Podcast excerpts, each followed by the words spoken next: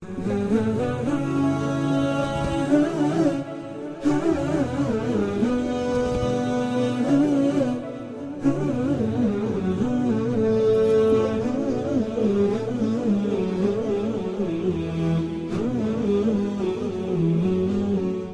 الله الرحمن الرحيم الحمد لله رب العالمين وصلى الله وسلم وبارك على سيدنا ونبينا محمد وعلى اله وصحبه اجمعين اللهم علمنا ما ينفعنا وانفعنا بما علمتنا يا رب العالمين. حياكم الله والاخوه الكرام في هذا اللقاء التاسع عشر بعد المئة من لقاءات التعليق على تفسير البيضاوي رحمه الله تعالى.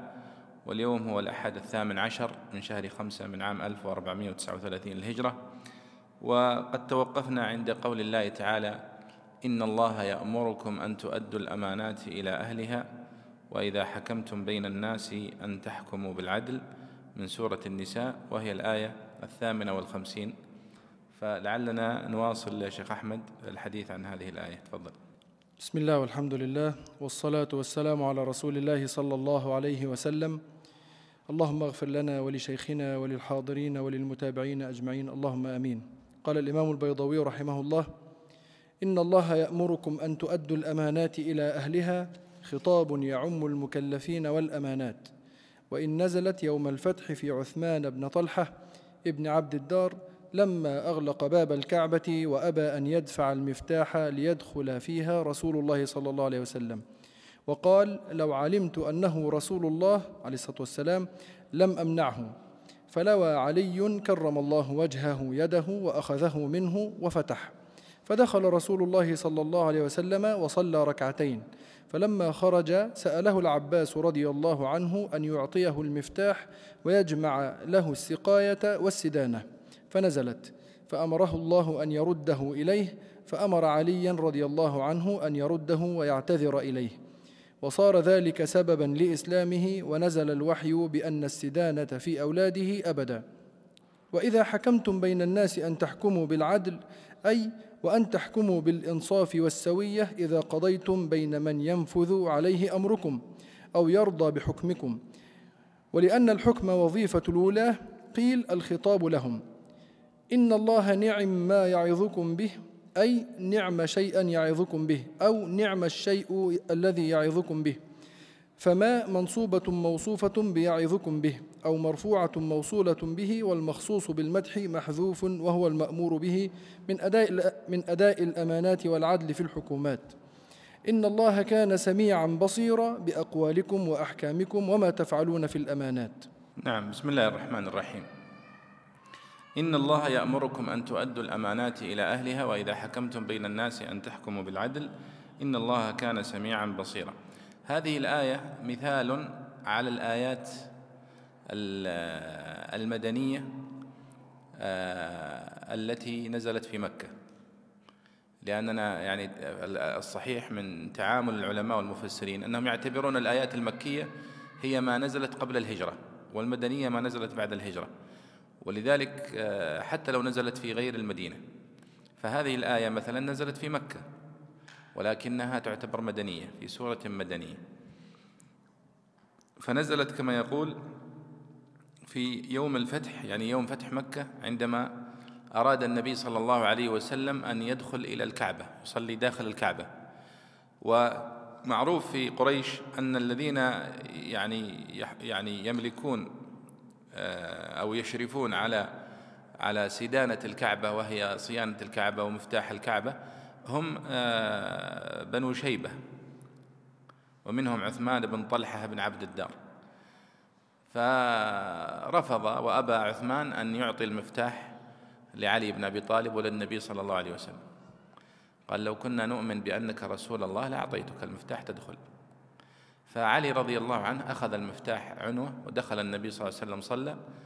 فلما خرج النبي صلى الله عليه وسلم من الكعبة أراد العباس بن عبد المطلب عم النبي صلى الله عليه وسلم وكان بنو عبد المطلب آه، يعني هم الذين يسقون الحجاج ويشرفون على بئر زمزم وما يتعلق بها وبنو شيبة يشرفون على الكعبة وما يتعلق بها. فنزلت هذه الآية إن الله يأمركم أن تؤدوا الأمانات إلى أهلها. فأرجع النبي صلى الله عليه وسلم المفتاح إلى عثمان بن طلحة بن عبد الدار وكان مشركا. لم يكن قد أسلم في ذلك الوقت. فلما يعني رأى هذا التصرف دعاه ذلك إلى دخول في الإسلام بعد ذلك. عثمان بن طلحة رضي الله عنه ويعني هو أحد المهاجرين وله خمسة أحاديث رواها عن النبي صلى الله عليه وسلم وتوفي سنة 41 من الهجرة. فهذا هو سبب نزول هذه الآية كما يذكره المفسرون. يقول الله إن الله يأمركم أن تؤدوا الأمانات إلى أهلها. قال خطاب يعم المكلفين والأمانات. فهذه الآية تعتبر من القواعد الأساسية في الإسلام. أن أداء الأمانة الأمر بأداء الأمانة والأمر بالعدل والأمر بالصدق هذه آه، أوامر عامة ليس فيها استثناءات. فالله هنا يقول أن يأمرنا بأن نؤدي جميع الأمانات إلى أهلها. فهو خطاب يعم الجميع ويعم جميع الأمانات. ولذلك البيضاوي هنا يقول خطاب يعم المكلفين جميعا. يعني كل من يصح تكليفه بالخطاب ويعم الأمانات جميعا. فأداء الصلاة هي أمانة بين العبد وربه وأداء الدين لصاحبه وأداء الأمانة لصاحبها ويعني الأمانات كثيرة جدا إذا تتبعناها. قال وإن نزلت يوم الفتح في عثمان بن طلحة بن عبد الدار لما أغلق باب الكعبة وأبى أن يدفع المفتاح ليدخل فيها رسول الله إلى آخر القصة. يريد البيضاوي أن يقول أن هذه الآية نزلت في سبب خاص ولكنها تشمل الجميع. وهذه قاعدة دائما نقول أن العبرة بعموم اللفظ وليس بخصوص السبب. صحيح أنها نزلت في عثمان وفي قصته مع النبي صلى الله عليه وسلم وعلي ولكنها عامة في كل آه، كل مكلف أنه مأمور بأداء الأمانة إلى أهلها. آه، قال وإذا حكمتم بين الناس أن تحكموا بالعدل. طبعا وهذا عثمان رضي الله عنه لا زال أبناؤه يتوارثون مفتاح الكعبة إلى اليوم طبعا. قال النبي صلى الله عليه وسلم لا ينزعها منكم إلا ظالم. ولذلك ما زالت فيهم إلى اليوم. وهم الذين يفتحون الكعبة اليوم لمن يريد أن يدخل الكعبة هم الذين يفتحون. وأيضا هم الذين يستلمون الكسوة الكعبة ويلبسونها بطريقتهم ويشرفون عليها فلا زالت فيهم إلى اليوم. وهذه الآية هم يعني يحتفلون بها كثيرا وهم بنو شيبة. هذه الآية بالذات يحتفلون بها ويعرفون سبب نزولها ويعرفون أن نزلت في قصتهم وفي جدهم وكذا. فيعني هذا شرف عظيم.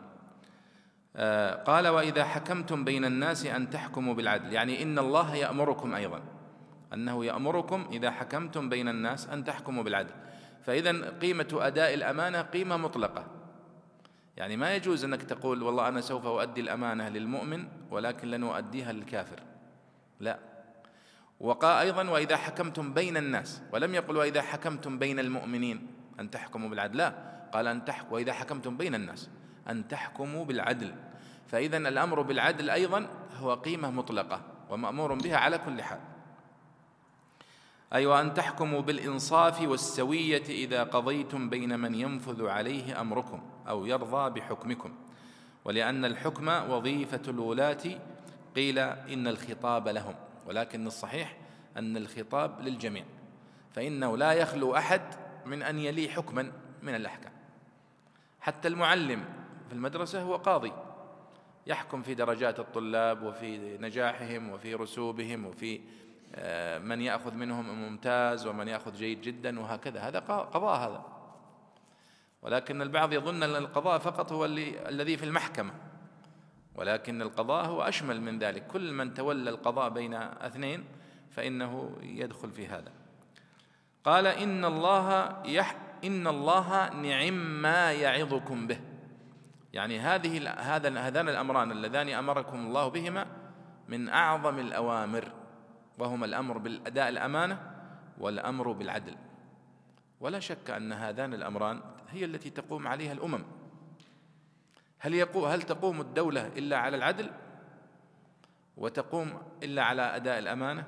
وكذلك المعلم في مدرسته والطالب والقاضي والمدير والمرؤوس كل مطالب بأداء الأمانة وأي إخلال بها فهو خيانة. ولذلك لاحظوا أن الله سبحانه وتعالى عندما قال في سورة الأنفال وإن يريدوا خيانتك فقد خانوا الله من قبل فأمكن منهم. صح؟ ولم يقل فقد خانوا الله من قبل فخانهم مع أنه قال ويمكرون ويمكر الله. وقال إنهم يكيدون كيدا وأكيد كيدا. وقال ويسخرون منهم سخر الله منهم. وقال وهكذا. لكنه في الخيانة لا يمكن أن تكون صفة مدح أبدا حتى لو كانت في مقابلة خائن. الخيانة مذمومة. ولذلك الله سبحانه وتعالى قال في سورة الأنفال آه، وإن جنحوا للسلم فاجنح لها وتوكل على الله. الآية التي يقول فيها فانبذ إليهم على سواء وإن يريدوا خيانة ما هي؟ نعم أحسنت. وإما تخافن من قوم خيانة فانبذ إليهم على سواء.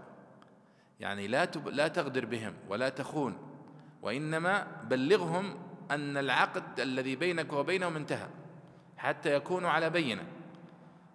وإما تخافن من قوم خيانة فانبذ إليهم على سواء. يعني أظهر لهم وبين لهم أن العقد الذي بينك وبينهم انتهى حتى تكون أنت في العلم به وهم سواء. لأن الخيانة مذمومة على كل حال. ولا يمكن أن يمدح الإنسان بأنه خائن. فيقال فلان خائن على وجه المدح. ما فيه. إلا أن يأتي زمان يقال فيه لإبليس رضي الله عنه. كما يقول الرافعي رحمه الله.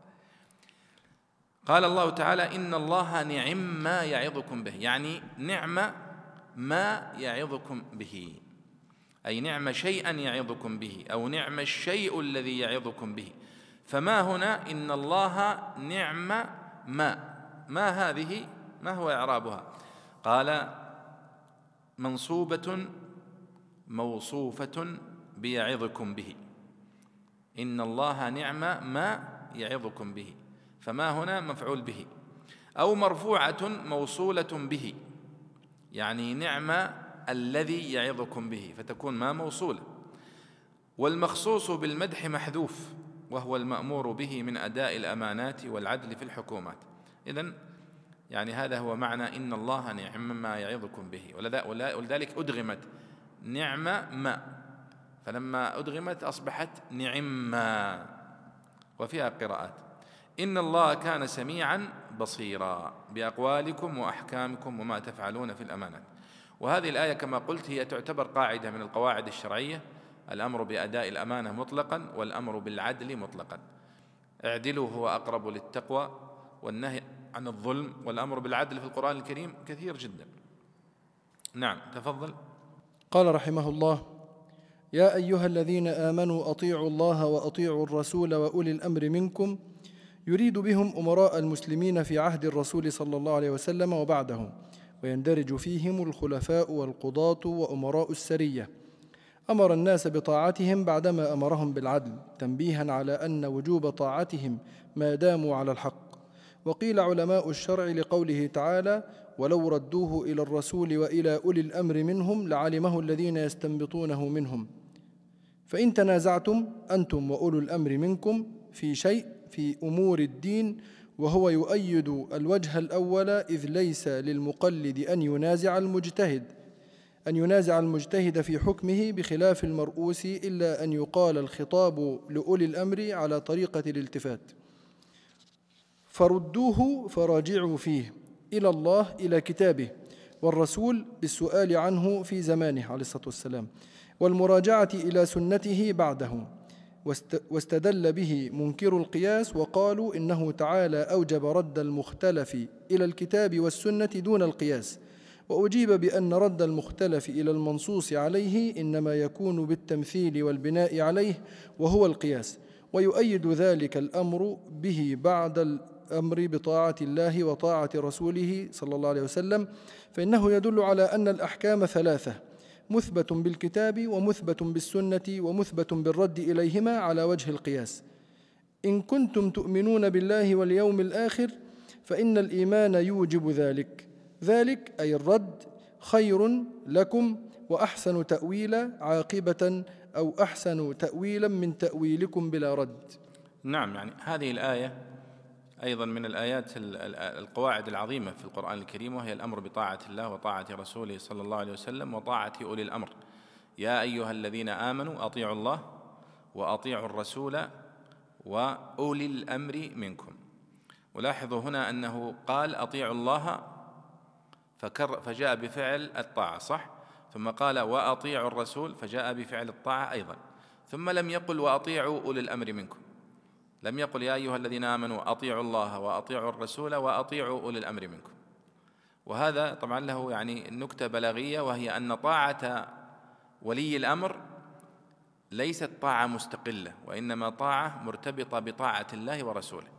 أما طاعة الرسول صلى الله عليه وسلم فهي مستقلة فإنه يستقل بتشريع بعض الأحكام التي ليست في القرآن الكريم. أما أولي الأمر فليس له أن يستقل بأمر إلا أن يكون في طاعة الله ولذلك بعض الصحابة الكرام رضي الله عنهم وقيل أن هذه الآية نزلت فيها لكن الحديث ليس يعني بثابت. أن سرية كانت آه، بعثها النبي صلى الله عليه وسلم وأمر عليها أحد الصحابة.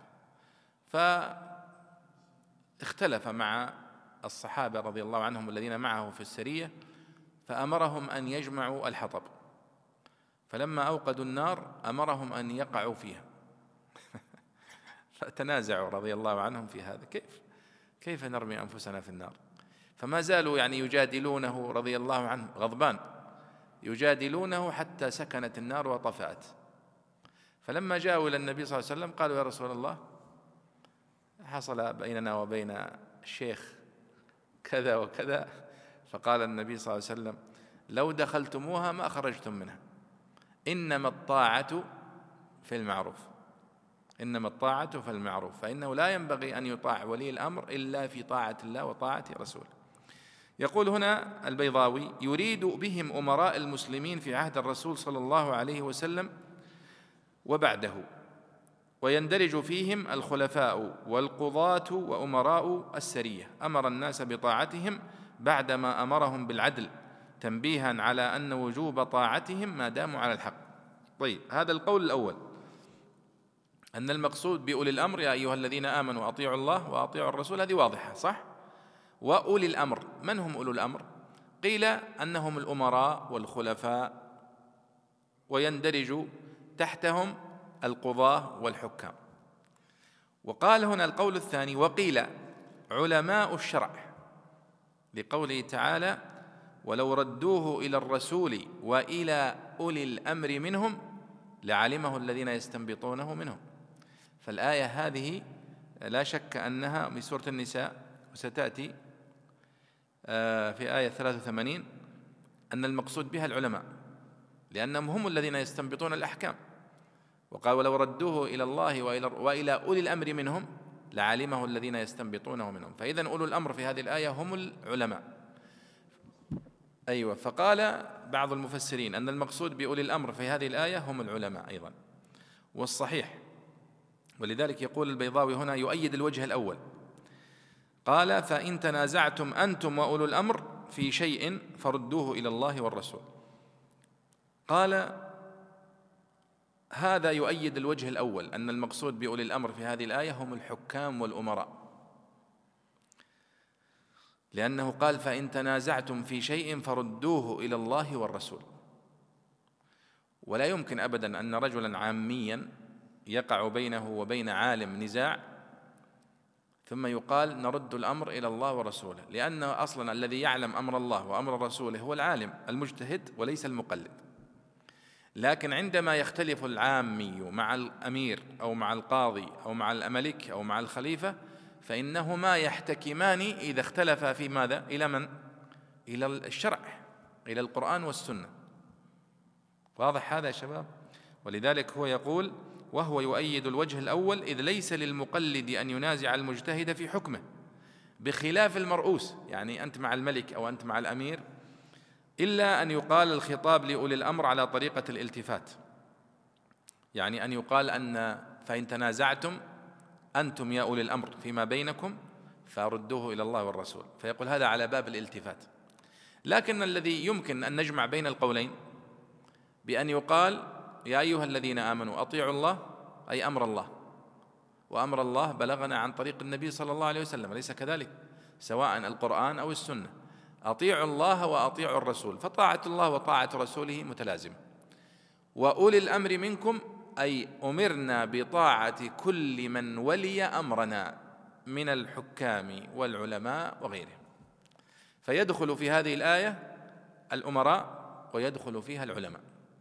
فتكون وهذا أجمع للقولين ويقال دائما في القاعدة الفقهية أن إعمال الكلام أولى من إهماله والجمع أولى من الترجيح. أليس كذلك يا شيخ فهد؟ فيعني الجمع بينهما هو بهذا أن يقال أولي الأمر منكم هم كل من ولي أمر المسلمين من العلماء ومن الأمراء على حد سواء. قال فإن تنازعتم في شيء فردوه إلى الله والرسول. الرد إلى الله كيف يكون؟ الرد إلى الله يكون إلى القرآن أليس كذلك؟ لأننا لا يمكن أن نرد إلى الله مباشرة لأننا لا لا نتواصل مع الله مباشرة. وإنما القرآن الذي بين أيدينا هو الرد إلى الله. وأما الرسول صلى الله عليه وسلم فالرد إليه إن كان في حياته فهو إليه مباشرة وإن كان بعد وفاته فهو إلى سنته عليه الصلاة والسلام. ولذلك قال هنا إلى الله أي إلى كتابه والرسول أي بالسؤال عنه في زمانه والمراجعة إلى سنته بعده. ولذلك لاحظوا دائما في التفسير يعني عندما نقول فردوه إلى الله والرسول قلنا فردوه إلى الله إلى كتابه. هل هذا تأويل وصرف للكلام عن ظاهره؟ نقول لا. هذا حقيقة الكلام. قال البيضاوي هنا واستدل به منكرو القياس. والبيضاوي رحمه الله أصولي كما تعلمون ويعني له كتاب مشهور جدا في الأصول اسمه المنهاج في الأصول يعتبر من أجود كتب الأصول.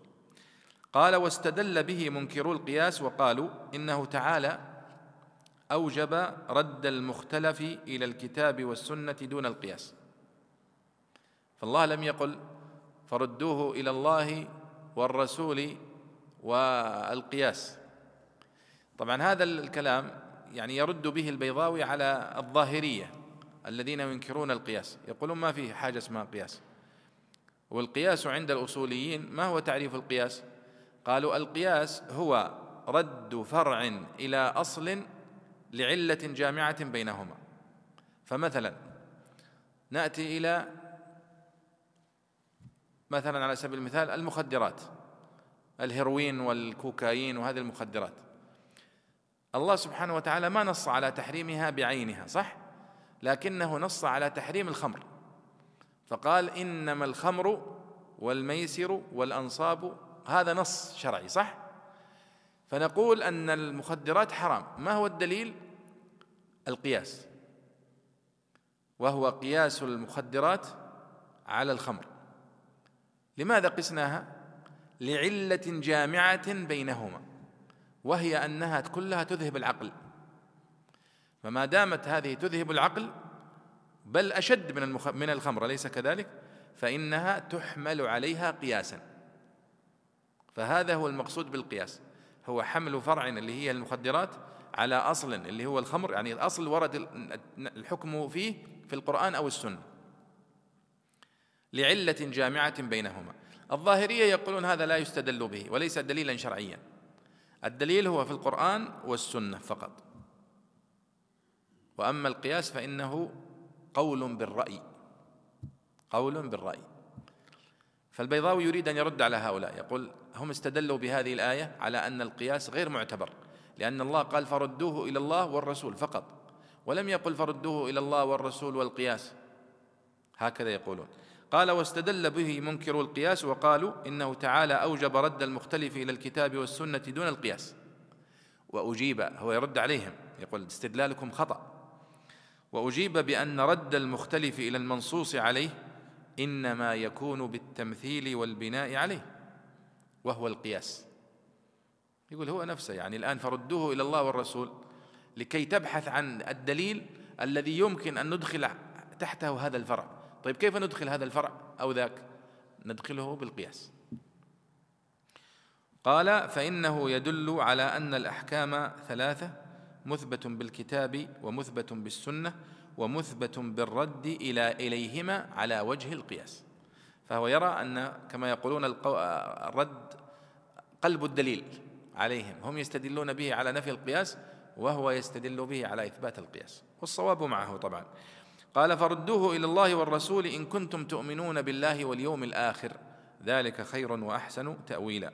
أي فإن الإيمان يوجب ذلك. يعني إن كنتم تؤمنون بالله واليوم الآخر هذا أسلوب استفزاز واستثارة. يعني إن كنتم صادقين بأنكم تؤمنون بالله واليوم الآخر فردوا الحكم إلى الله والرسول صلى الله عليه وسلم. جزاك الله خير وهذا معناه أن هذا مقتضى الإيمان. وهذا في القرآن الكريم كله. فاتقوا الله إن كنتم مؤمنين. إن كنتم تؤمنون. إن كنتم تؤمنون بالله واليوم الآخر. كل هذا أشبه هو مثله تماما. هو نفس الأسلوب. كان تريد أن يعني تستفز شخصا فتقول إن كنت رجلا فافعل كذا وكذا. فتريد أن تقول إن كنت رجل تدعي أنك فافعل كذا وكذا. فكذلك هنا إن كنتم تؤمنون بالله واليوم الآخر استفزاز للمخاطبين بأنه من مقتضى الإيمان الرد إلى الله وإلى الرسول صلى الله عليه وسلم. وهذا فيه إشارة أيها الإخوة إلى أنه ليس هناك أقوى من وازع الإيمان في نفس الإنسان وأن الداعية الموفق هو من يحيل الناس إلى الوازع في أنفسهم من الإيمان ويعني تعظيم الإيمان في نفوسهم لأنه هو الذي يجعل الإنسان يأتمر بأمر الله ويرجع. ولذلك لاحظوا الصحابة الكرام رضي الله عنهم لما تشربوا هذه المعاني عندما يقع أحدهم في المعصية يأتي إلى النبي صلى الله عليه وسلم ويعترف بها ويقول طهرني يا رسول الله الذي وقع في الزنا جاء إليه والذين تخلفوا عن معركة أو غزوة تبوك جاءوا واعترفوا صدقوا. كل هذا لأنه الوازع الإيماني في نفوسهم كان قويا. ذلك الرد خير لكم وأحسن تأويلا يعني أحسن عاقبة. والتأويل في اللغة هو العاقبة وهو ما يؤول إليه الأمر. فمعنى ذلك أن الرد إلى الله والرسول وإن كان فيه قسوة أو حكم شديد على المرء في العاجل إلا أنه سيكون خيرا له في الآجل. وهذا معنى التأويل هنا يعني وأحسن تأويلا أي عاقبة. أو أحسن تأويلا من تأويلكم بلا رد. والصحيح أنه بمعنى العاقبة في هذه الآية والله أعلم. نعم تفضل. قال رحمه الله ألم تر إلى الذين يزعمون أنهم آمنوا بما أنزل إليك وما أنزل من قبلك يريدون أن يتحاكموا إلى الطاغوت؟ عن ابن عباس رضي الله عنهما أن منافقا خاصم يهوديا فدعاه اليهودي إلى النبي صلى الله عليه وسلم ودعاه المنافق إلى كعب بن الأشرف ثم إنهما احتكما إلى رسول الله صلى الله عليه وسلم فحكم لليهودي فلم يرضى المنافق بقضائه وقال نتحاكم إلى عمر. فقال اليهودي لعمر قضى لي رسول الله صلى الله عليه وسلم فلم يرضى بقضائه وخاصم إليك. فقال عمر رضي الله تعالى عنه للمنافق أكذلك؟ فقال نعم. فقال مكانكما حتى أخرج إليكما. فدخل فأخذ سيفه ثم خرج فضرب به عنق المنافق حتى برد وقال هكذا أقضي لمن لم يرضى بقضاء رسول بقضاء الله ورسوله عليه الصلاة والسلام فنزلت. وقال جبريل إن عمر قد فرق بين الحق والباطل فسمي الفاروق والطاغوت على هذا كعب بن الأشرف كعب بن الأشرف وفي معناه من يحكم بالباطل ويؤثر لأجله. سمي بذلك لفرط, لفرط طغيانه أو لتشبهه أو لتشبهه بالشيطان أو لأن التحاكم إليه تحاكم إلى الشيطان من حيث إنه من حيث أنه من حيث إنه الحامل عليه. كما قال وقد وقد أمروا أن يكفروا به ويريد الشيطان أن يضلهم ضلالا بعيدا. وقرئ أن يكفروا بها على أن الطاغوت جمع. كقوله تعالى أولياؤهم الطاغوت يخرجونهم. الآية. نعم. ألم تر إلى الذين يزعمون أنهم آمنوا بما أنزل إليك وما أنزل من قبلك يريدون أن يتحاكموا إلى الطاغوت؟ البيضاوي هنا ذكر هذه الرواية وهي أن رجلا من المنافقين.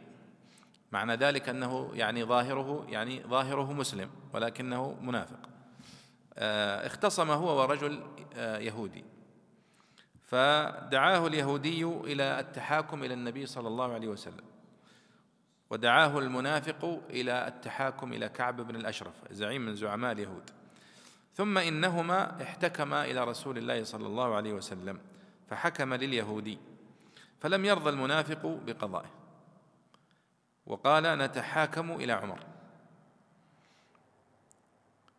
يعني غلطان هو يعني ما ما توفق حقيقة. طبعا هذه الرواية ضعيفة. يعني رويت عن ابن لهيعة ولذلك سندها ضعيف. لكن آه، هي تروى في كتب التفسير. فذهبوا إلى عمر رضي الله عنه للتحاكم. فقال له اليهودي نحن ذهبنا إلى النبي ولم يرضى بحكمه. صاحبكم هذا. يعني اليهودي مستغرب من هذا الذي يدعي الإسلام. ولا يرضى بحكم الرسول صلى الله عليه وسلم. فقال له عمر للمنافق هذا للمسلم الذي يتظاهر بالإسلام هل هذا صحيح؟ تحاكمتم إلى النبي صلى الله عليه وسلم ولم ترضى بحكمه قال نعم. وكأنه والله أعلم أراد أن يقول يعني أنت عندي أولى. قال طيب انتظروا. فقال مكانكما حتى أخرج إليكما. فدخل فأخذ سيفه ثم خرج فضرب به عنق المنافق حتى برد يعني حتى مات. وقال هكذا أقضي لمن لم يرضى بقضاء الله ورسوله فنزلت. طبعا البيضاوي ذكر هذه الرواية وهي مذكورة طبعا في كتب التفسير لكن ابن كثير رحمه الله والمحققون من من المحدثين يعني يضاعفون هذه الرواية لأنها من رواية ابن لهيعة عبد الله بن لهيعة وهي مرسلة فهو إذا غير معتبر في بيان سبب النزول. وأصح ما رأيته في سبب نزولها هو ما رواه ابن عباس عن أبي أن وقال أن أبا برزة الأسلمي كان كاهنا وكان يتحاكم إليه. فنزلت هذه الآية فيه وفي أمثاله. فالآية نزلت على وجه التعجيب من حال هؤلاء. ألم تر إلى الذين يزعمون أنهم آمنوا؟ معنى ذلك أنهم ليسوا بمؤمنين. وهذا ينطبق أكثر ما ينطبق على المنافقين. أنهم آمنوا بما أنزل إليك وما أنزل من قبلك يريدون أن يتحاكموا إلى الطاغوت. وقد أمروا أن يكفروا به. والطاغوت هنا يقول هنا في في تفريق في الطاغوت على هذه الرواية هو كعب بن الأشرف. لكن الطاغوت يرحمك الله وفي معناه من يحكم بالباطل ويؤثر لأجله سمي بذلك لفرط طغيانه أو لتشبهه بالشيطان أو لأن التحاكم إليه تحاكم إلى الشيطان إلى آخره. فالطاغوت هو كل ما يعبد من دون الله. الأصنام تسمى طاغوتا والقانون الوضعي يسمى طاغوت ومن يتحاكم إليه من غير الكتاب والسنة يسمى طاغوت كلها تسمى طواغيت. والشيخ محمد عبد الوهاب ذكر أنواع طواغيت كثيرة صح؟ قال الطواغيت عشرة والصحيح أنهم أكثر من ذلك. فكل ما يعبد من دون الله أو يطاع من دون الله أو يتحاكم إليه من دون الله فيسمى طاغوتا وهو مأخوذ من الطغيان. وهو المجاوزة. وقد أمروا أن يكفروا به. يعني يتحاكمون إلى الطاغوت وقد أمروا أن يكفروا به. يعني بما سوى الله سبحانه وتعالى. ويريد الشيطان أن يضلهم ضلالا بعيدا. وقرئ أن يكفروا بها. وقد أمروا أن يكفروا بها. يعني بالطواغيت على صيغة الجمع. كقوله تعالى آه، أولياؤهم الطاغوت. الذين آه، في سورة البقرة ما هي؟ والذين كفروا أولياؤهم الطاغوت. الله ولي الذين آمنوا يخرجهم من الظلمات إلى النور. والذين كفروا أولياؤهم الطاغوت يخرجونهم. يعني هؤلاء الطواغيت. طيب إذا فالصحيح في يعني أن هذه الرواية التي ذكرها البيضاوي ضعيفة وقد نبه عليها المحقق ونبه على آه، قول ابن كثير إن هذا الأثر غريب وهو مرسل وابن لهيعة ضعيف. وقال المحقق هو من رواية أحد العبادله وهو عبد الله بن وهب عنه ورواية العبادلة عنه مقبولة عند المحدثين. لكن بقي كونه مرسلا ومخالفا لما جاء في الصحيحين من حديث الزبير الذي سيأتي تخريجه. وسوف نذكر لكم حديث الزبير بعد قليل. نعم. قال رحمه الله وإذا قيل لهم تعالوا إلى ما أنزل الله وإلى الرسول وقرئ تعالوا بضم اللام على أنه حذف لام الفعل اعتباطا ثم ضم اللام لواو الضمير. رأيت المنافقين يصدون عنك صدودا وهو هو مصدر أو اسم للمصدر الذي هو الصد. والفرق بينه وبين السد أنه غير محسوس والسد محسوس ويصدون في موضع الحال.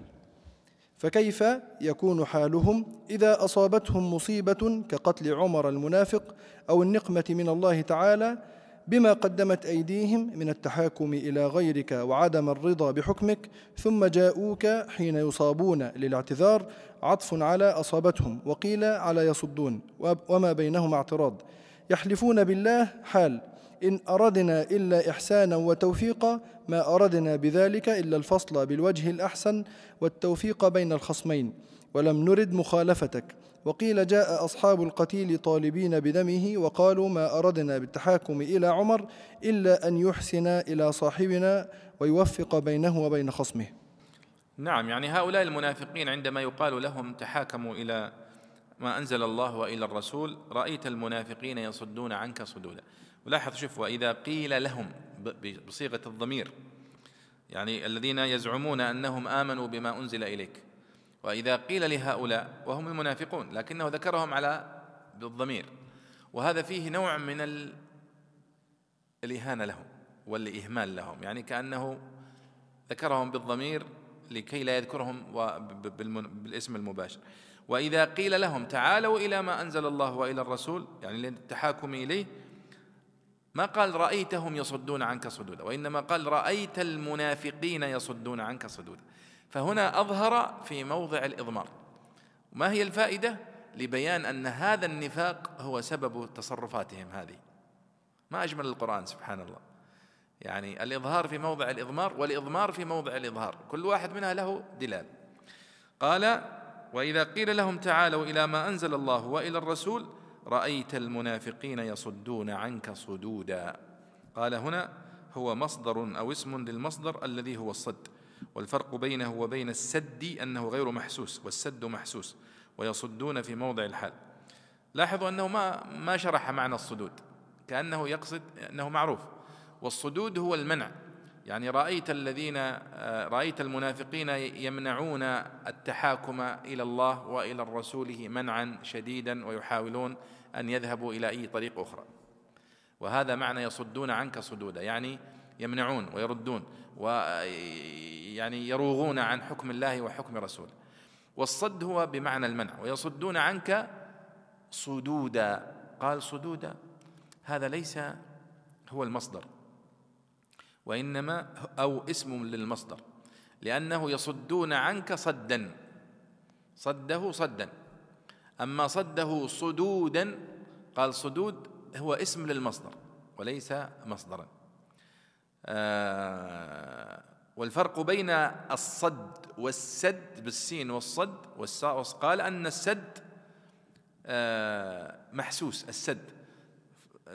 فأعينوني بقوة أجعل بينكم وبينهم آه ردمة ها؟ نعم.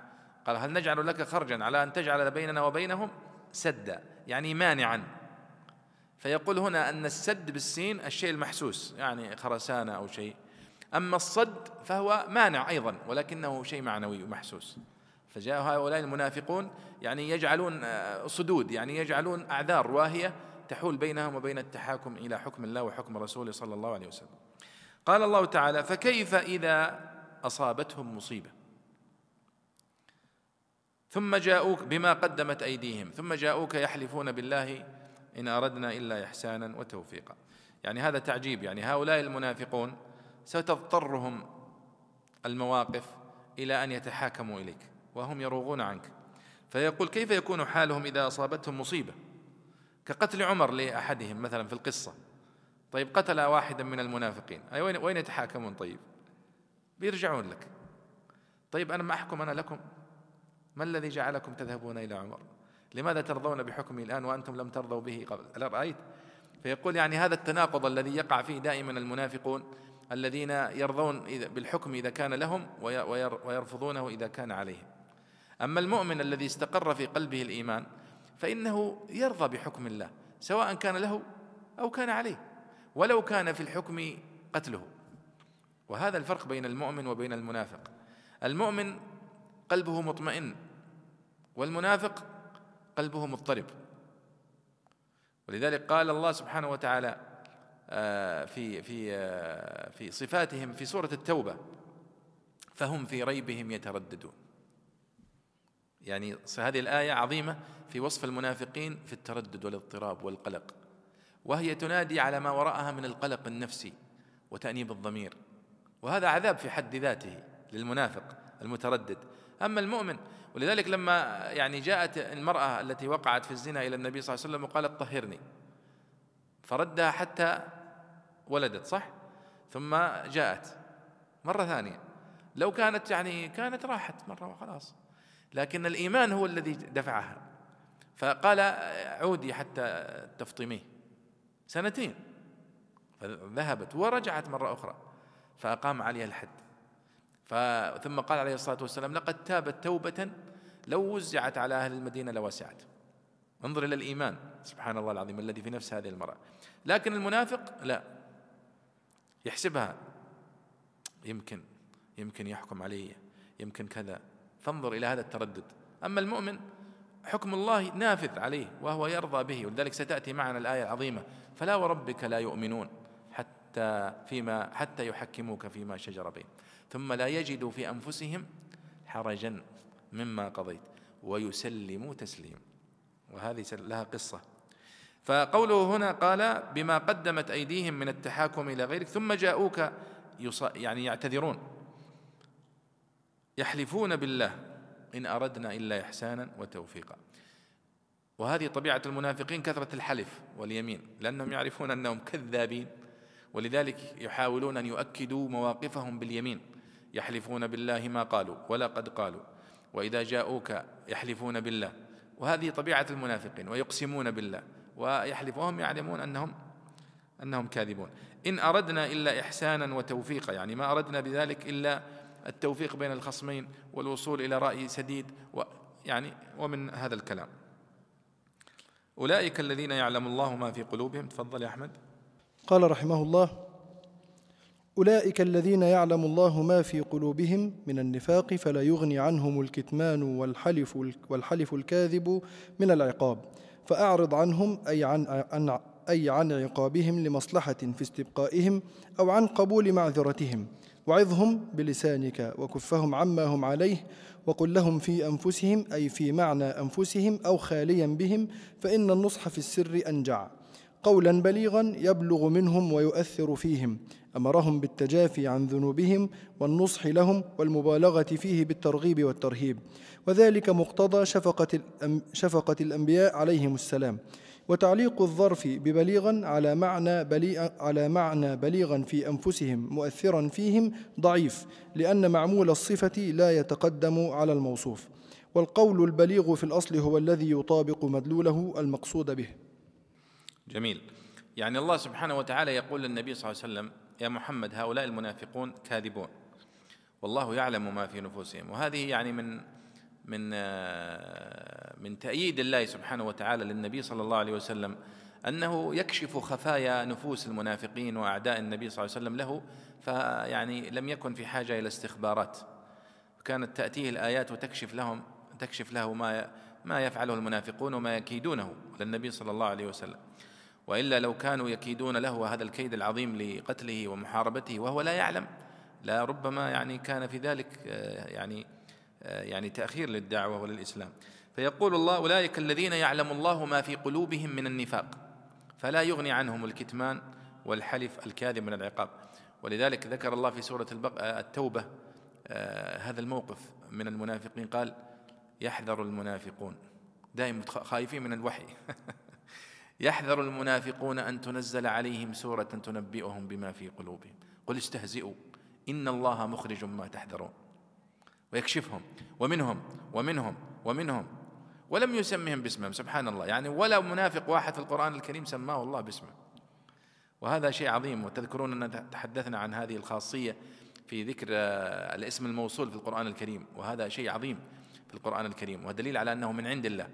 لأنه لو كان من عند النبي صلى الله عليه وسلم لذكر الأشخاص لأن طبيعة البشر ما يستطيعون يتجاوزون الأشخاص المؤثرين في, في, في من حولهم. على الأقل سيذكر أبا بكر يذكر خديجة يذكر عائشة يذكر المؤثرين. ولكن ولا واحد في القرآن الكريم ولا يذكر أحد من الصحابة إلا زيد. مع أنه من أقل الصحابة تأثير في الواقع وفي لنكتة عجيبة. أما البقية لا لا يذكرهم بالاسم. فهنا يقول ومنهم ومنهم بالاسم الموصول وبالاسم الموصول. هذا ينطبق يعني على أصحاب على من تنطبق عليه الصفة. فيقول الله أولئك الذين أولئك الذين يعلم الله ما في قلوبهم من النفاق فاقتلهم؟ قال لا فأعرض عنهم.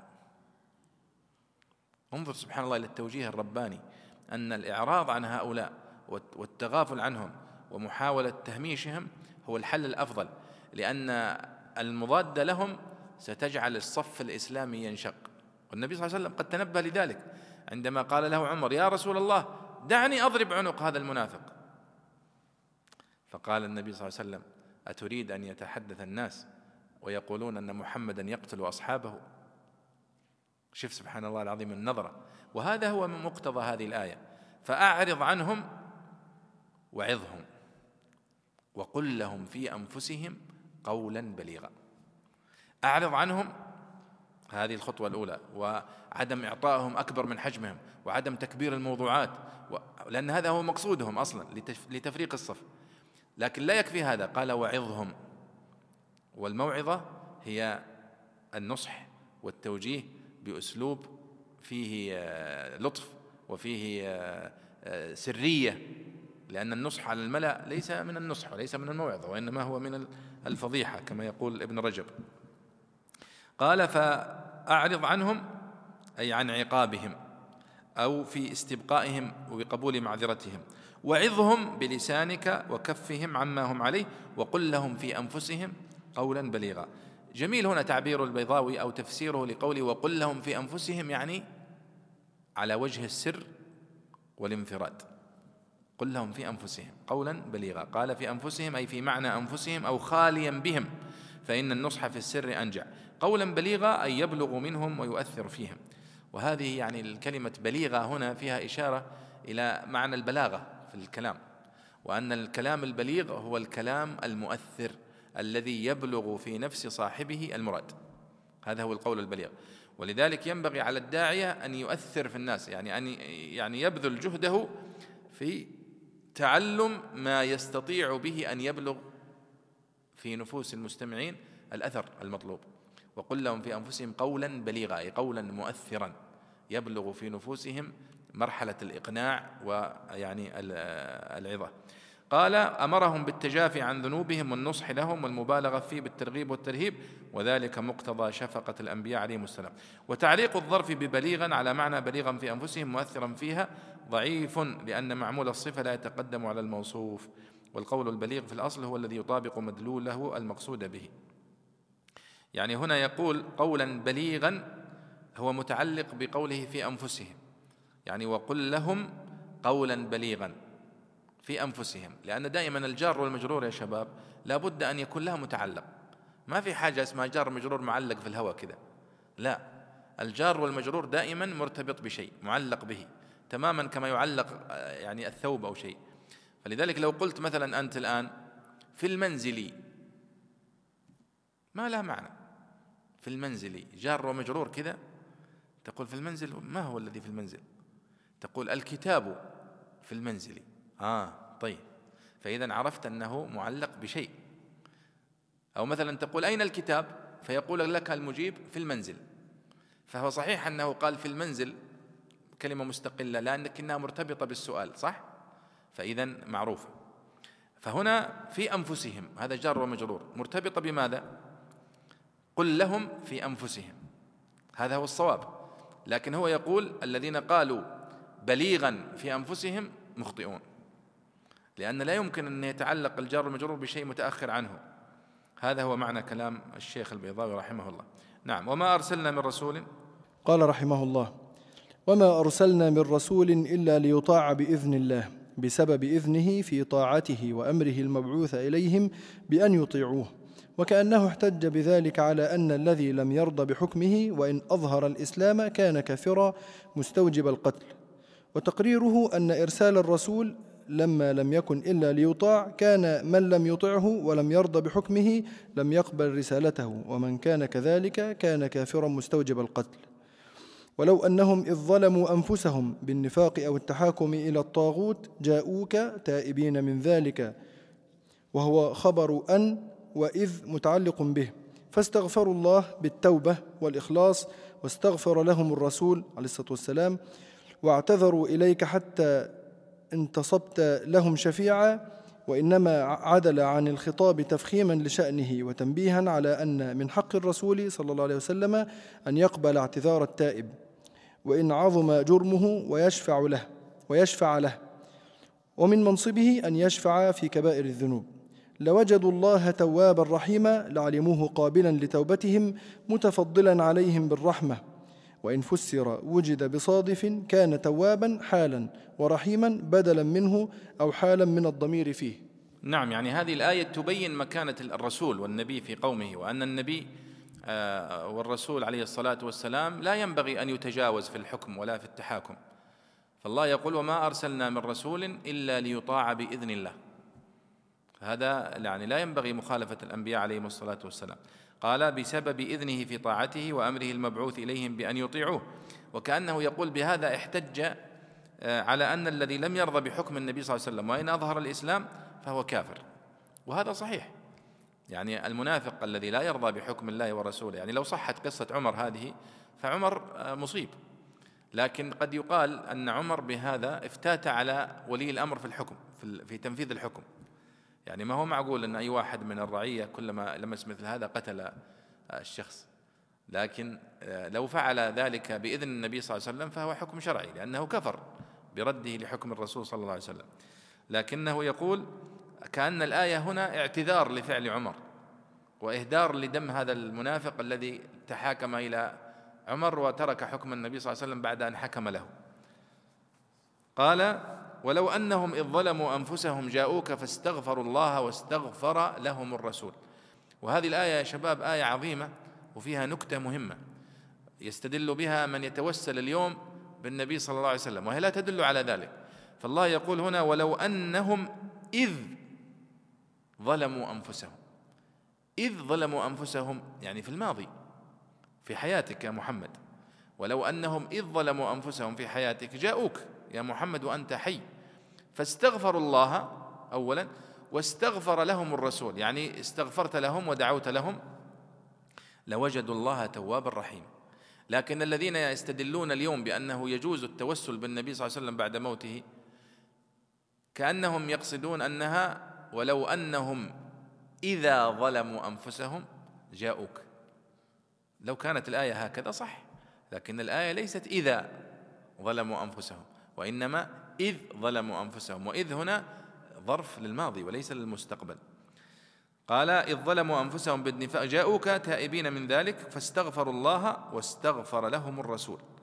ولم يقل واستغفرت لهم فجاء الخطاب كأنه للغيبة تفخيم لشأن النبي صلى الله عليه وسلم.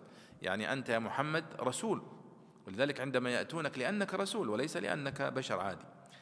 قال و وإنما عدل عن الخطاب يعني ولم يقل واستغفرت لهم تفخيما لشأنه صلى الله عليه وسلم وتنبيها على أن من حق الرسول أن يقبل اعتذار التائب وإن عظم جرمه ويشفع له ومن منصبه صلى الله عليه وسلم أن يشفع في كبائر الذنوب.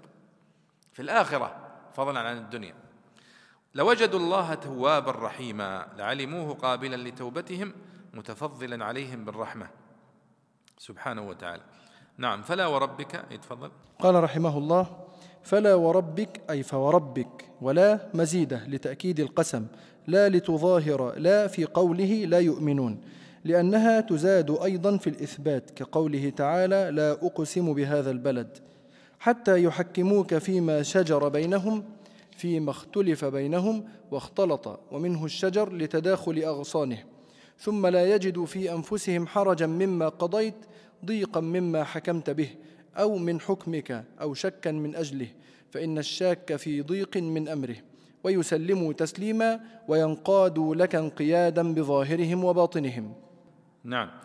فلا وربك لا يؤمنون. لاحظوا يعني بعد أن ذكر تحاكم هؤلاء المنافقين إلى غير النبي صلى الله عليه وسلم وإلى غير الشرع جاءت هذه الآية. قال الله فلا وربك لا يؤمنون يعني إيمانا صحيحا حتى يحكموك فيما شجر بينهم. يعني أن الحكم فيما يقع بين المسلمين إنما هو للشرع وأن أي تحاكم لغيره هو كفر. هذه الآية أيضا تؤكد الآيات التي في سورة تذكرون آه ومن لم يحكم بما أنزل الله ومن في سورة المائدة صح؟ قال فلا وربك أي فوربك ولا مزيدة لتأكيد القسم لا لتظاهر لا في قوله لا يؤمنون. يعني يقول فلا وربك لا هنا زائدة. ومعنى الكلام فوربك لا يؤمنون حتى يحكموك فيما شجر بينهم. والصحيح أنها زائدة في الإعراب يعني فيما يقصد لكنها ليست كذلك في المعنى بل هي للتأكيد. فمعنى الكلام فلا يعني رفض لكل تصرفاتهم وتحاكمهم إلى غير الله. فلا. وربك لا يؤمنون حتى يحكموك فيما شجر بينهم. هذا معناه. وهذه الآية لها قصة وهو أن انصاريا من الصحابة رضي الله عنهم كان مشاركا للزبير بن العوام رضي الله عنه في سقاية أرضه. فاشتكى يوما إلى النبي صلى الله عليه وسلم آه، في هذه المزرعة. قال عبد الله بن الزبير عبد الله وليس الزبير آه، أن رجلا آه، عبد الله روى الحديث عفوا قال رجلا من الأنصار خاصم الزبير عند الرسول صلى الله عليه وسلم في شراج الحرة التي يسقون بها النخل شراج اللي هو مجرى الماء الذي يجري إلى المزرعة. فقال الأنصاري سرح الماء يمر فأبى عليه. معنى ذلك أن أرض الزبير قبل أرضه. يعني الماء يدخل أرض الزبير قبل أن يدخل إلى أرض الأنصاري فاختصموا عند رسول الله صلى الله عليه وسلم. فقال رسول الله صلى الله عليه وسلم للزبير بعد ما شاف الأرض طبعا اسق يا زبير ثم أرسل الماء إلى جارك. فغضب الأنصاري.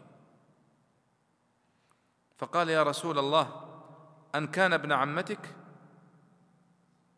يعني يقول علشان ابن عمتك حكمت له فغضب النبي صلى الله عليه وسلم. فتلون وجه النبي صلى الله عليه وسلم ثم قال يا زبير اسقي ثم احبس الماء حتى يرجع إلى الجدر ثم بعد ذلك معنى الكلام يسقي هو. فكأن النبي صلى الله عليه وسلم قد استوفى للزبير حقه. وكان في المرة الأولى قال له يكفي أن تسقي وتكتفي بالحد الأدنى ثم ترسل إلى جارك. لكن لما رأى الأنصاري يعني يقول يعني علشان ابن عمتك يا رسول الله حكمت له قال لا. إذا يا زبير استوفي حقك تماما ثم يسقي المال. يعني هذا هو معنى القصة طبعا. وليست أن النبي صلى الله عليه وسلم منع الأنصار حقه آه، مراعاة للزبير ليس هذا هو المقصود. فقال الزبير والله إني لأحسب أن هذه الآية نزلت في ذلك. فلا وربك لا يؤمنون. حتى يحكموك فيما شجر بينهم. ثم لا يجدوا في أنفسهم حرجا مما قضيت ويسلموا تسليم. هذا الحديث في البخاري. وهذا الحديث يعني يحمله المفسرون على أنه هو سبب لهذه القصص أو الآيات كلها. لأن كلها فيها عدم رضا بالحكم والتحاكم إلى الله ورسوله. من أول ألم تر إلى الذين يزعمون أنهم آمنوا بما أنزل إليك؟ آه، وما أنزل من قبلك يريدون أن يتحاكموا إلى الطاغوت. وقد أمروا أن يكفروا به إلى هذه الآية. ويقول البيضاوي هنا أنها تزاد في الإثبات قوله لا أقسم بيوم القيامة لا أقسم بهذا البلد آه، فلا أقسم بمواقع النجوم. لا شك أنها قد ذكرنا في مواضع مرت معنا أن لا هنا هي لتأكيد القسم. أو كما يقال يقول بعض العلماء لنفي الحاجة إلى القسم. يعني فلا أقسم بمواقع النجوم معناها أن المقسم عليه من ظهوره لا يحتاج إلى قسم فهو نفي للحاجة إلى القسم وليس نفي للقسم بل هو قسم وتأكيد له كما لأنه يقول في سورة الواقعة بالذات وهي التي يعني يستدل بها المفسرون كثيرا فلا أقسم بمواقع النجوم وإنه لقسم لو تعلمون عظيم فأثبت أنه قسم. فكذلك لا أقسم بهذا البلد لا أقسم بيوم القيامة وأمثالها. قال حتى يحكموك فيما شجر بينهم. يعني فيما اختلف بينهم اختلط ومنه الشجر. يعني فيما شجر بينهم يعني فيما وقع بينهم من النزاع. ولأن المشاجرة مأخوذة من الشجرة والشجرة سميت شجرة لتداخل أغصانها وأوراقها سميت شجرة. فكذلك أي نزاع أو خصام يسمى مشاجرة مأخوذ من هذا المعنى. ثم لا يجدوا في أنفسهم حرجا مما قضيت ويسلموا تسليما. أي أنه لا يكفي أن يتحاكم المؤمنون إلى النبي صلى الله عليه وسلم وإلى الشرع بل لا بد أن يرضوا ولا يجدوا في أنفسهم أي حرج. ولذلك لاحظ أنه قال ولا يجدوا في أنفسهم حرجا. تنوين صح؟ والتنوين أحيانا يراد به التعظيم وأحيانا يراد به التقليل. فالمقصود هنا لا يجدون في أنفسهم أدنى حرج مما قضيت ويسلموا بحكمك تسليما شديدا. تفضل يا شيخ. قال رحمه الله ولو أن كتبنا عليهم أن اقتلوا أنفسكم تعرضوا بها للقتل في الجهاد أو اقتلوها كما قتل بنو إسرائيل وأن مصدرية أو مفسرة لأن كتبنا في معنى أمرنا أو اخرجوا من دياركم خروجهم حين استتيبوا عن من عبادة العجل وقرأ أبو عمرو ويعقوب أن يقتلوا بكسر النون على أصل التحريك أو خرجوا بضم الواو للاتباع والتشبيه بواو الجمع في نحو قوله تعالى ولا تنسوا الفضل وقرأ حمزة وعاصم بكسرهما على الأصل والباقون بضمهما إجراء لهما مجرى الهمزة المتصلة, المتصلة بالفعل. ما فعلوه إلا قليل منهم إلا أناس قليل وهم المخلصون. لما بين أن إيمانهم لا يتم إلا بأن يسلموا حق التسليم نبه على قصور أكثرهم ووهن إسلامهم. والضمير للمكتوب ودل عليه كتبنا أو لأحد مصدري الفعلين. وقرأ ابن عامر بالنصب على الاستثناء أو على إلا فعلا قليلا. ولو أنهم فعلوا ما يوعظون به من متابعة الرسول صلى الله عليه وسلم ومطاوعته طوعا ورغبة لكان خيرا لهم في عاجلهم وآجلهم وأشد تثبيتا في دينهم لأن لأن أشد التح... لأن أشد... لأنه أشد لتحصيل العلم ونفي الشك أو تثبيتا لثواب أعمالهم ونصب ونصبه على التمييز والآية أيضا مما نزلت في شأن المنافق واليهودي وقيل إنها والتي قبلها نزلتا في حاطب ابن أبي بلتعة رضي الله عنه خاصم زبيرا في شراج من الحرة كان يسقيان بها النخل. فقال عليه الصلاة والسلام اسق يا زبير ثم أرسل الماء إلى جارك. فقال حاطب لأن كان ابن عمتك فقال عليه الصلاة والسلام اسق يا زبير ثم احبس الماء إلى الجدر واستوف حقك ثم أرسله إلى جارك. وإذا لآتيناهم من لدنا أجرا عظيما جواب, جواب لسؤال مقدر كأنه قيل وما يكون لهم بعد التثبيت؟ فقال وإذا لو, لو تثبتوا لآتيناه لآتيناهم لأن إذن جواب وجزاء. ولهديناهم صراطا مستقيما يصلون بسلوكه جناب القدس ويفتح عليهم أبواب, أبواب الغيب. قال النبي صلى الله عليه وسلم من عمل بما علم ورثه الله علم ما لم يعلم. نعم. يقول الله سبحانه وتعالى هنا ولو أنا كتبنا عليهم يعني على هؤلاء المنافقين أن يقتلوا أنفسكم. يعني الله سبحانه وتعالى يذكر مر معنا تذكرون في سورة البقرة كيف أنه كان قد كتب على بني إسرائيل في موقف من المواقف أن يقتلوا أنفسهم صح؟ حتى يتوب عليهم. فقتلوا أنفسهم. فيقول نحن لم نفعل ذلك مع هؤلاء المنافقين وكانت يعني هذه التشريعات التي شرعناها لهم ميسرة وسهلة. فلماذا يعني يرفضون التحاكم إلى إلى الله وإلى الرسول؟ هذا من نفاقهم. فيقول ولو أنا كتبنا عليهم أن اقتلوا أنفسكم أو اخرجوا من دياركم. قال البيضاوي اقتلوا أنفسكم أي تعرضوا بها للقتل في الجهاد أو اقتلوها كما قتل بنو إسرائيل أنفسهم يعني. وأن مصدرية أو مفسرة يعني قوله أن أن يقتلوا أنفسكم. إما أن تكون مصدرية فتكون ولو أنا كتبنا عليهم قتل أنفسهم. تصير أن أن يقتلوا تصير مصدر مسبوك منها أن كتبنا عليهم قتل أنفسهم. أو تكون مفسرة بمعنى أنها تفسر ما قبلها ولو أنا كتبنا عليهم فسأل سائل كتبت ماذا؟ فقال أن اقتلوا. فتكون أن هنا مفسرة لما قبلها. طيب أو اخرجوا من دياركم أي خروجهم حين استتيبوا من عبادة العجل يعني كما حصل لبني إسرائيل. ما فعلوه إلا قليل منهم يعني ما وقع منهم ولا استجابوا. لهذه الأوامر بأن يقتلوا أنفسهم وأن يخرجوا من ديارهم لن يفعله إلا قليل منهم وهم المخلصون الصادقون. وهذا في كل أمة. صح؟ يعني في قصة بني إسرائيل أو قصص بني إسرائيل ذكر الله سبحانه وتعالى فلما جاوزه هو وجنوده آه، قال الذين آمنوا إلى آخره. أو ولما برزوا لجالوت وجنوده قالوا آه، لا طاقة لنا اليوم بجالوت وجنوده. فإذا دائما الذين يستجيبون ويثبتون هم قلة وليس يعني الكثرة. هنا ذكر البيضاوي القراءات وقال وقرأ أبو عمرو ويعقوب أن اقتلوا بكسر النون على أصل التحريك أو اخرجوا بضم الواو. أنا أستغرب الحقيقة من البيضاوي لكنه هنا مقلد للزمخشري. يعني نحن اتفقنا أن البيضاوي اختصر كلام الزمخشري وكلام الراغب وكلام الرازي وأراد أن يخلصه من الحشو والتكرار وكذا لكنه يذكر مثل هذه القراءات التي لا أثر لها في المعنى. وإنما هي ظواهر لهجية أو متعلقة بالهمز ونحوه. وهذه لا أثر لها في المعنى.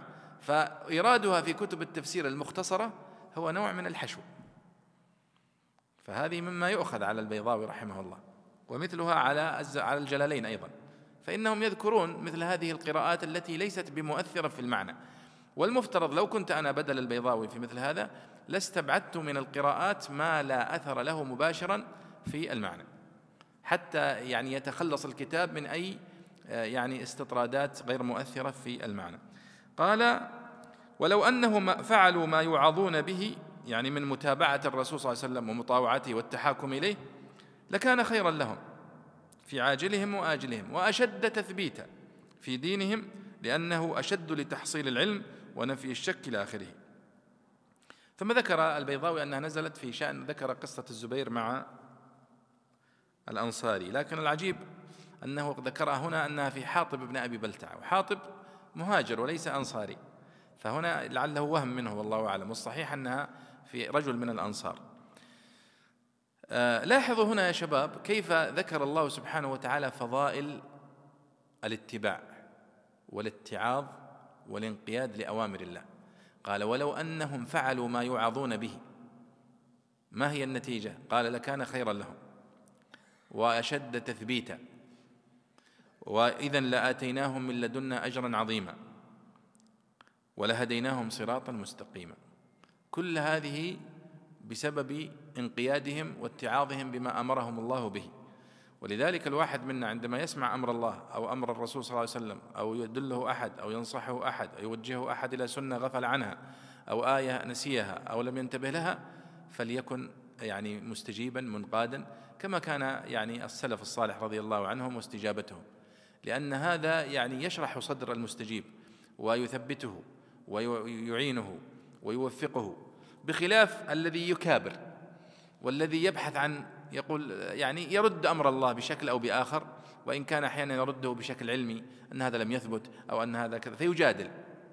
لكن الله يقول ولو أنهم فعلوا ما يوعظون به لكان خيرا لهم وأشد تثبيتا. وإذا لآتيناهم من لدنا أجرا عظيما ولا أتي ولا هديناهم صراطا مستقيما. كل هذه فضائل كل واحدة منها يعني تغنيك وتكفيك بإذن الله سبحانه وتعالى.